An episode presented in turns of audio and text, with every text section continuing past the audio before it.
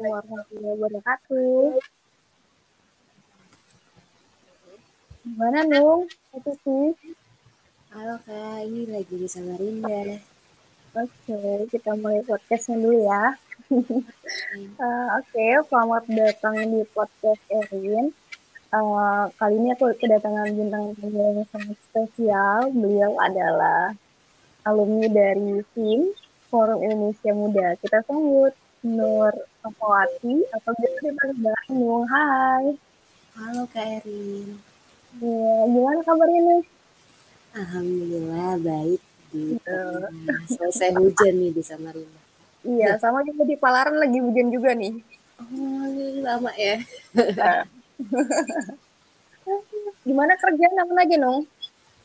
Uh, Alhamdulillah aman sejauh ini. Hmm. Nah, kita malam ini bincang-bincang santai aja sih. Nah, karena sempat aku nih lihat di Instagram, ini kan posting tentang film. Sebenarnya aku penasaran sih, uh, sebenarnya film itu apa sih? Bisa nggak uh, Inung share gitu ke teman-teman tentang film itu seperti apa gitu? Jadi uh, film itu atau singkatan dari Forum Indonesia Muda, mm-hmm. salah satu pergerakan para pemuda mm-hmm. non non embel-embel plat-plat gitu ya. Pokoknya ini sebuah forum independen yang beranggotakan pemuda dan mahasiswa dari berbagai aktivitas mm-hmm. universitas maupun lembaga kepemudaan gitu dari seluruh Indonesia. Nah, cita-citanya tuh sama membangun bangsa dengan semangat kontribusi bersama. Jadi nggak sebatas mahasiswa aja, tapi yang profesional atau pekerja profesional juga masih bisa untuk daftar gitu. Karena umurnya masih bisa di atas 30 tahun ke atas lah gitu. Jadi pemuda di atas dikit tuh masih bisa bisa daftar kalau oh, tujuannya gitu. sama. Aku kira kalau untuk tim ini sebenarnya dia untuk kalangan mahasiswa tapi bisa juga ya untuk di luar mahasiswa ya Nung ya. Bisa kak, jadi ada jalur khusus juga jalur profesional. Oh oke, okay. untuk syaratnya seperti apa nih untuk bisa join di tim itu Nung? Oke, okay, jadi syaratnya dan kebetulan banget nih uh, ini lagi pembukaan. Hmm. Jadi uh, syaratnya uh, ada beberapa syarat sih kak. Biasanya tuh kayak tes personality yang udah dikasih linknya gitu. Terus nanti hmm. tahap tahap administrasi kayak biasa lah ya gitu. Kita nyari uh, melengkapi berkas-berkas. Nanti ke tahap selanjutnya tahap kewawancara dan dan kalau sudah lolos di wawancara langsung ke pelatihan nasionalnya. Oh gitu. Mm-hmm. Kalau untuk pelatihannya sendiri itu nanti biaya pribadi atau ditanggung gitu full? Kalau untuk biayanya biaya pribadi, tapi uh, mm-hmm. Jadi tuh nggak ada di nggak ada di biaya sama pusat, tapi mm-hmm. tapi kita dikasih kelonggaran untuk mencari proposal gitu. Oh oke. Okay atau dari nah, pribadi atau proposal itu dibuka gitu. Uh-uh. Aku tertarik sini dengan yang tadi kamu bilang bahwa memang yang bukan mahasiswa pun bisa join dan itu kan hmm. jalur profesional. Nah, hmm. untuk seleksinya tuh gimana? Apakah berbeda yang mahasiswa dengan yang profesional? Berbeda, jadi ada kuotanya masing-masing gitu. Jadi uh, kuota profesionalnya berapa setiap tahun tuh berbeda-beda tergantung rekruternya. Karena pendaftarnya kan juga pasti akan beda-beda gitu. Berapa banyak pendaftar profesional mahasiswa dan yang jalur-jalur lainnya gitu. Uh, jadi masih terbuka banget lah uh, banyak juga yang jalur profesional gitu mm Oke, okay. uh, itu bisa nggak? Maksudnya perwakilan tiap daerah ada kuotanya untuk Kaltim sekian, untuk uh, daerah Jawa sekian gitu, atau ya ke, sesuai dengan yang diseleksi aja mau dari mana pun oke okay aja sih gitu ada batasan nggak sih sebenarnya untuk batasan itu uh, pasti ada terkhusus untuk daerah-daerah yang emang nggak ada alumninya gitu atau memang dia uh, kalau kuota-kuota itu akan ada sesuatu sendiri-sendiri gitu kak. Pasti ada. Tapi balik lagi uh, yang mendaftar apakah mempengaruhi uh, kualitasnya gimana tergantung rekruter ya. Tapi sejauh ini emang kalau dari Kalimantan sendiri tuh kadang tuh cuma nggak banyak sebanyak di Jawa gitu yang keterima. So far ya karena peminatnya juga lebih banyak di sana. Di sini misalnya yang daftar cuma ada 30 gitu, sedangkan di Jawa ratusan gitu kan. Nggak sebanding dong kuotanya kalau di sini ngambil lima di sana juga ngambil lima kan uh, nggak nggak relevan gitu. Jadi iya, betul, betul. tergantung pendaftar dan kualitinya gitu juga. Ya, Lu bisa nggak sih ceritain tentang seleksinya kamu dulu gimana gitu? Okay. sampai akhirnya bisa bergabung di tim Oke okay, baik. Bagus banget nih kak kalau kakak harus ikut daftar di film. Jadi kalau dari Inung sendiri uh, kenal film masuknya itu jalur apa? Itu sangat unik sih kak sangat Inung bilang. Karena Inung tuh dua kali ikut pelatihan. Jadi dua kali ikut pelatihan tahun 2018 itu ini ikut pelatihan wilayah jadi di tahun itu film membuat uh, gerakan baru yaitu mencari pemuda-pemuda asli dari regio daerah gitu jadi dikuotakan nih, jadi setiap daerah dikuotakan maksimal 10 orang gitu. Jadi uh, seleksinya dari regional, jadi regionalnya seleksi terus dikasih uh, di diikutkan di pelatihan wilayah yang seluruh Indonesia itu ada lima. Kalau pelatihan nasional kan satu kali dan satu tahun gitu. Kalau pelatihan wilayah ini ada lima tempat atau lima titik uh, dalam satu tahun yang udah ada plotannya gitu kayak Kalimantan waktu itu di pelatihan uh, pelatihan dua di Bogor jadi waktu itu ini ikut pelatihan wilayah di tahun 2018 itu di Bogor hmm.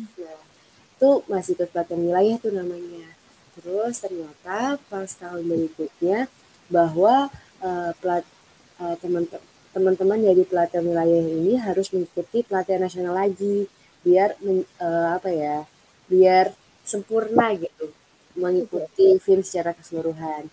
Jadi teman-teman yang film 20 kayak Inung ikut lagi nih film 21 tergantung mau daftarnya kapan. Nah, okay. Eh, setelah dari 2012 Inung uh, memutuskan untuk ikut lagi pelatihan nasionalnya di tahun 2022 kemarin. Jadi film 23. Jadi jenjang jangka waktunya tiga tahun tuh untuk mengikuti pelatihan nasional.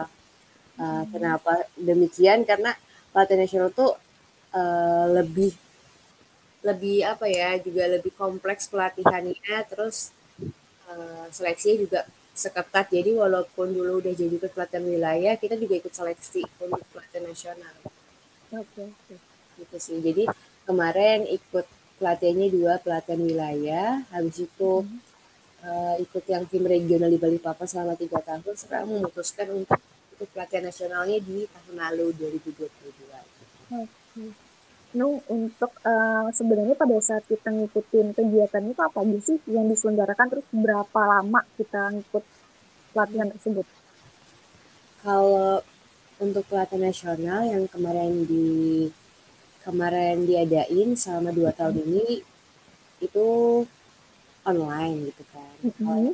dari dari pengalaman ini sih itu online tiga tiga hari gitu tiga empat hari ya bentar. Kayaknya tuh empat hari sih empat hari. Tapi sebelum itu kita ada di fasilitator juga gitu loh kak. Jadi sebelum sebelum hari H kita tuh dapat tugas juga ngerjain tugas sebelum sebelum sampai ke pema, uh, ke hari hanya gitu. Jadi ada fasilitator terus uh, acaranya sangat padat banget tuh. Yang online aja padat banget dari dari pagi pagi tank banget jadi bangunin tuh habis sholat subuh karena waktunya berbeda-beda ya. Jadi bangunin subuh tuh terus kita kayak uh, sesi fasilitator sebelum masuk di kelas hari ini kayak bahas apa sampai nanti uh, sampai malam gitu. Karena selesai acara itu jam enaman jam limaan WIB pasca itu kita fasilitator lagi untuk evaluasi hari ini kalian dapat apa terus tugas besok itu apa gitu gitu sampai akhirnya di hari minggu gitu. Jadi empat harian.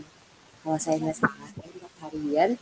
Jadi padat banget gitu. Terus pematerinya juga komprehensif banget. Maksudnya banyak gitu. Bukan dari satu titik politik aja enggak. Parenting ada kok uh, kegiatan usaha juga ada. Pokoknya kompleks lah di gitu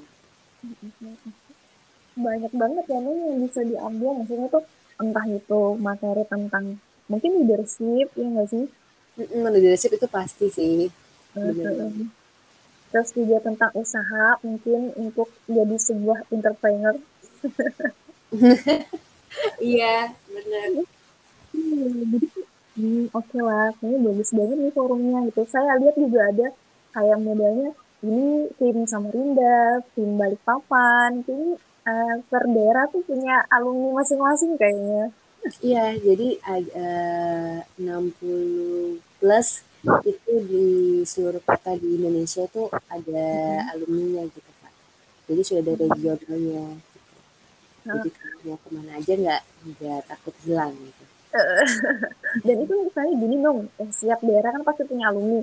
Apakah setelah selesai dari kegiatan tersebut ada pertemuan pertemuan berikutnya gitu membahas tentang uh, tindak lanjut ke depannya kita mau ngapain nih gitu?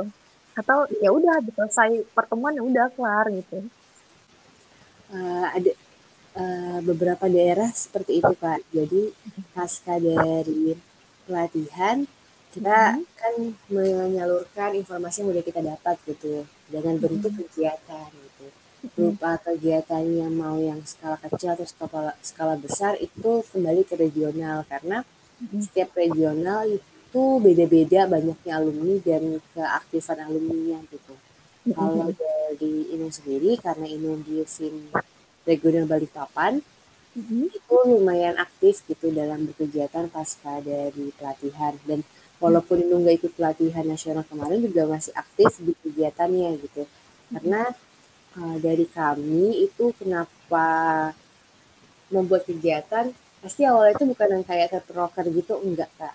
Jadi itu kalau di film itu para alumni-nya ngumpul tuh yang ngumpul aja gitu. Kita ngumpul silaturahmi uh, saling sendal gurau terus kita kayak hari ini buat buat kegiatan ini enggak gitu. Jadi kayak uh, mendadak tapi kayak banyak aja gitu yang bantu. Yeah. jadi kegiatannya kebanyakan kayak on the spot tapi mm -hmm. jadi gitu. Jadi kayak buka kalau di, dikira orang prokernya kayak banyak banget gitu. Enggak gitu. Jadi emang kita murni ngumpul-ngumpul tapi berkegiatan gitu. Karena kebanyakan ya banyak prokernya nggak terrealisasi gitu. Kebanyakan planning tapi nggak ada actionnya. benar benar benar. Nah biasanya nih kegiatannya ngapain dong? Kalau misalnya nih lagi ngumpul-ngumpul atau apa entah itu dalam hal sosial atau seperti apa sih biasanya kegiatannya kalau di kami itu pertama pasti kayak ngumpul-ngumpul silaturahmi karena mm -hmm. um, kayak mungkin kayak lama yang nggak ketemu gitu terus kayak saling tukar kalau misalnya ada berita atau ada hmm. usaha saling support gitu. Terus kayak saling informasi. Jadi memang uh, ngumpul aja gitu kak. Ngumpul nongkrong bareng gitu. Nongkrong temu bareng terus cerita eh buat ini yuk gitu dia misalnya kayak tujuh belasan buat tujuh belasan yuk terus kalau eh ada kampung ini kita buat gitu dan sampai sekarang uh, bahasan kita itu adalah karena kita udah punya panti binaan. Dulu tuh 2018 kita punya kampung binaan, sekarang punya panti binaan gitu. Jadi uh, tujuannya ke panti. Terus untuk panti binaan itu seperti apa nih dia programnya? Jadi waktu uh, panti ini tuh uh, dari 2019 kita tuh kayak kita harus ada tempat nih untuk kita buat uh, binaan gitu. Jadi kayak kayak misalnya habis kenal dapat pelatihan apa, kita share ke panti itu gitu. Terus kayak uh, Jadi lebih oh, untuk update skill juga ya? Iya benar. Jadi tempat untuk kita skill juga gitu. Oke, oke bagus juga sih ini lebih bermanfaat lah. Jadi anak-anak muda nggak hanya uh, membangun mimpi scroll scroll mm-hmm. Instagram benar benar Iya, iya. Ini bisa jelasin nggak benefit apa aja yang kamu dapatin setelah ikut kegiatan tim ini? Ini kayaknya kalau bilang anak film ini bukan salah satu hal yang yang tabu ya kak. Apa sih benefit ya dari ikut film? Yaitu adalah jejaring alumninya. Jadi uh, dari beberapa teman yang saya tanya kenapa mau ikut film, mereka tuh dapat kerjaan, dapat networking yang banyak itu karena pasca dari ikut film dan jadi alumni film gitu karena dengan ngasih tahu alma bukan alma ya kayak saya anak anak film gitu itu alumni film tuh kayak ngerangkul terus informasi-informasi itu juga banyak banget dari alumni alumni yang juga orang-orang keren gitu. Jadi yang benefit yang paling di yang terasa itu adalah alumni gitu. Jadi dijaring kerjaan dijaring usaha dijaring informasi parenting gitu. Jejaring uh, perkuliahan atau jejaring wisata atau berlibur juga ada gitu. Jadi kompleks gitu di alumni dan jejaringnya walaupun uh, saya misalnya jadi film angkatan muda, angkatan tua tuh kalau mau tektokan ber uh, tektokan itu masih kayak bisa gitu tersalurkan gitu kak. Jadi benefit yang paling terasa tuh dari teman-teman tuh adalah alumni sih. Jadi lebih memperbanyak link ya, Nung ya. Karena sifat uh, kekeluargaannya gitu kak. Karena hmm. scene ini tuh didirikan oleh sepasang suami istri. Gitu. Okay. Bunda Boleh cerita nggak siapa beliau? Ya jadi Bunda Teti sama Pak E ini yang kita sapa Bunda dan Pak E ini hmm. adalah uh, uh, sepasang suami istri hmm. yang mereka kayak di kayak pemuda ini harus uh, ini harus di dikobarkan semangatnya gitu dengan jadi di sekolah Sasamis ini membuat uh, suatu forum yang beranggota pemuda-pemuda dari dananya sendiri kak di awal dari dananya sendiri dari hanya beberapa anggota uh, alumni sekarang udah banyak gitu. Banyak udah dari udah 23 angkatan gitu ya dengan oh, tiga angkatan? Iya udah udah 23 angkatan dengan alumni tiga ribuan gitu. Wow luar biasa. Terus uh, berasaskan dengan asas-asas yang di dipegang oleh FIM gitu kak jadi kita hmm. punya tujuh tujuh pilar kepemimpinan sama tujuh pilar karakter gitu yang selalu hmm. kita pegang jadi Bunda Tai ini uh, membuat film itu terasa keluarga keluarga itu karena dari orang tua kita punya orang tua gitu jadi dua orang tua uh, orang tua inilah yang uh, menjadi alumni alumni yang menjadi kekeluargaannya jadi rapat banget dengan dengan tujuh pilar karakter dan kepemimpinan itu bisa jadi kayak berasa ada uh, ibu dan bapak gitu ya dalam iya. hal kegerakan gitu. ya, bagus banget sih ini programnya cukup membangun lah ibaratnya itu supaya minimal Indonesia dari sebuah perubahan gitu kan. Mm. Mm, walaupun dari hal kecil gitu. Jangan mm. nunggu yang besar dulu itu nggak ada actionnya. Ya, Bener-bener, setuju sih. Nah, ini masih pembukaan ya sih untuk pendaftaran game di tim atau udah tutup? Ini baru pembukaan banget kemarin banget nih kak. Jadi pembukaan untuk Kak Erin dan teman-teman yang ngedengerin itu uh, coba gitu, mencoba ikut film. Kabarnya hmm. nih ya sebelum kata semangat uh, teman-teman yang daftar itu pernah uh, pernah ada yang sampai lima kali enam kali itu gagal gitu. Wow. Iya jadi kalau katanya Pak E kalau belum 21 kali gagal jangan menyerah gitu. Okay. jadi ceritanya gagal itu coba lagi Benung. Iya gagal coba lagi gagal coba lagi dan hmm. ini bukan orang-orang yang biasa gitu kalau kita lihat tuh orang yang kok bisa gagal hmm. ya karena memang film itu bukan dilihat dari dia keren basicnya apa apa mm-hmm. ada hal-hal yang penting yang dipegang oleh rekruter gitu jadi kita nggak tahu gitu dia sekeren apa belum itu juga keterima gitu mungkin ada sesuatu yang bisa dilihat dari seseorang kenapa dia nih akhirnya lolos mungkin ada value-value yang memang ini bagus nih orang ini gitu kan. Hmm, jadi kita nggak boleh sombong dulu gitu kan. Jadi uh, mungkin ada potensi yang bisa dikembangin gitu kan. Gitu, ya. Gitu. Nung boleh nggak pesan-pesan gitu buat teman-teman yang lagi ikut proses seleksi? Mungkin dalam hal triknya supaya bisa lolos nih gimana nih?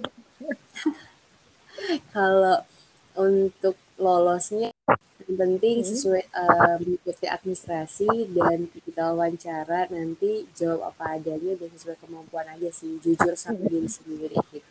Takutnya kalau berlebihan malah jatuhnya malah nanti gak keterima kan sedih gitu kan mm-hmm. gitu sih jadi lebih ke jadi diri sendiri pemuda yang jujur dalam uh, bersikap juga gitu kan karena uh, kita nggak tahu rekruter nanti value-nya apa yang didapat dari kita gitu. Tapi kita juga punya uh, value yang bisa kita berikan ke film gitu.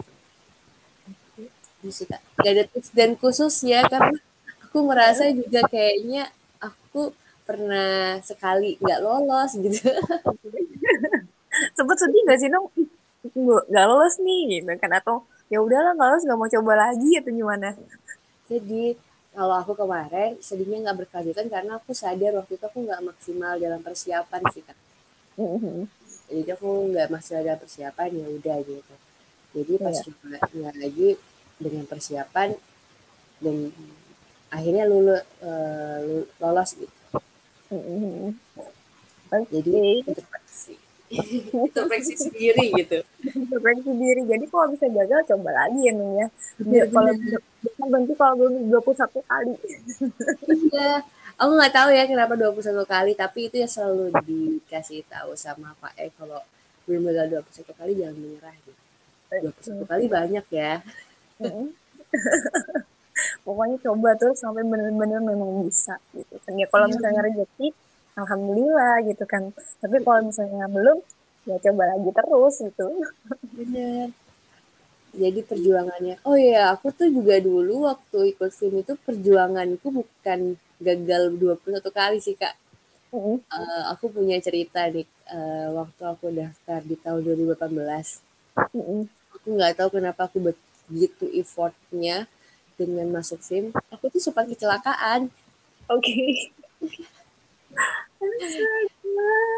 Jadi sedikit sedikit ceritanya tuh waktu ngerjain tugas rekrutnya gitu, ada hmm. tugasnya waktu itu kayak buat uh, wawancara gitu ke salah satu komunitas di daerah. Hmm. Aku tuh itu tuh kayak udah udah kan kayak aku udah dapat komunitasnya, udah dapat waktunya untuk wawancara jadi aku bela-bela dari Bali Samarinda ke Bali Papan gitu pokoknya hmm. Itu weekend tuh sampai bisa seminggu tuh dua kali bolak-balik gitu. Oke. Okay. uh -uh. terus dua kali bolak-balik pas dapat waktunya itu hujan gitu. Aku dan aku kudu harus balik karena waktu itu kalau nggak di hari itu aku karena mau bimbingan skripsi kan kan jadi oke okay, nggak boleh batalin lagi gitu dan nggak bisa batalin juga. Akhirnya hujan-hujan gitu ya dengan dramatisnya aku kecelakaan terus robek aku ditolong sama mas-mas yang ternyata nggak bisa ngomong tapi aku dibantu dan aku dikasih celana dari keluarganya dan aku ngajutin wawancara aku sampai malam. Dan terasa hmm. sakitnya pas pasca udah selesai terus uh, luka di kakiku ini uh, jadi cerita kisah aku daftar film gitu. Dan kalau aku pikir-pikir yang ya iya aku pikir-pikir kayaknya ini salah satu komunitas yang aku perjuangkan bener-bener sampai ada ada ceritanya di kaki aku gitu selebih hmm. dari selain yang lain-lain gitu hmm. punya cerita tersendiri yang aku ingat gitu ada pengalaman yang sangat membekas yang ya gitu. Benar. Hmm, cukup ya cukup menginspirasi sih Nung. Ibaratnya banyak banget perjuangan yang harus kamu lalui sebelum akhirnya bisa join ya di forum Indonesia Muda gitu kan ya. Itu memang anak-anak muda yang tujuannya untuk membangun Indonesia gitu kan. Hmm. yang punya karakter dan punya visi misi yang sama gitu. Iya betul. Di luar dari kita nggak punya dana atau apa tetap bisa jalan Mm-mm. Entah dari mana pun ya Nung ya. Yang penting ada aja. Banget. satu pesan lagi dong buat para pendengar supaya kita akhirnya bisa mm, join di forum Indonesia Muda. Kalau ditanya eh, gimana sih kadang juga bingung ya kayak mana sih ngajakin orang untuk ikut film gitu. Kalau dari omongan atau kayak eh, membicarakan film ini. Komunitas yang keren yang bagus gitu. Komunitas yang lainnya juga pasti keren organisasi kepemudaan yang lainnya juga keren gitu. Tapi balik lagi gitu Eh, kalau Inung sendiri di sini tuh merasa punya keluarga gitu. Keluarga kenapa? Walaupun isinya kayak kakak-kakaknya itu adalah senior-senior yang keren di masanya atau di bidangnya mereka ketika ketemu eh, yang dirasakan itu adalah kayak keluarga dalam satu rumah gitu jadi mereka kakaknya senior yang tidak melihat backgroundnya siapa gitu jadi benar-benar kalau kita uh, ngumpul adalah atau alumni itu adalah ngumpul bagaimana kita saling mengembangkan uh, skill kita kemampuan kita potensi kita saling dukung apa kita pilih gitu. dan saling dukung apa mimpi kita gitu. jadi uh, komunitas yang aku rasa beda adalah ini gitu dan salah satu dan sekarang mungkin satu-satunya komunitas yang aku ikut dulu ikut tim itu ya kak eh, nggak mau kesepian gitu ya kayak pasca pasca lulus aku ngapain gitu. Iya, selain betul. kerja jadi ikut komunitas ini karena komunitas ini tidak ada hentinya. Jadi sampai kapan pun tetap kita saat alumni SIM yang masih bisa nimbrung gitu dalam kegiatan apa pun. Mhm. jadi eh, lebih tepatnya kalau eh, teman-teman ingin daftar ya aku bilang aku merasa kayak punya rumah gitu punya rumah dalam pergerakan gitu. di luar kalau kampus selesai udah gitu kalau ini enggak kita bisa berkegiatan dengan kolaborasi dengan pemuda atau eh, komunitas atau organisasi yang lebih luas tidak ada batasan gitu. Oke, cukup mungkin itu aja dong. Eh, Mhm. sudah panjang kali lebar. Inung sharing. Pokoknya senang banget ya aku bisa bisa podcast sama Inung setelah Mhm. sekian lama ngatur schedule. ya alhamdulillah akhirnya realisasi ya dan Iya. Oke, terima kasih banyak ya Inung. Semoga dapat bermanfaat dan menginspirasi buat teman-teman yang mendengarkan. Saya akhiri. Assalamualaikum warahmatullahi wabarakatuh. Waalaikumsalam warahmatullahi wabarakatuh terima kasih kak Erin Waalaikumsalam.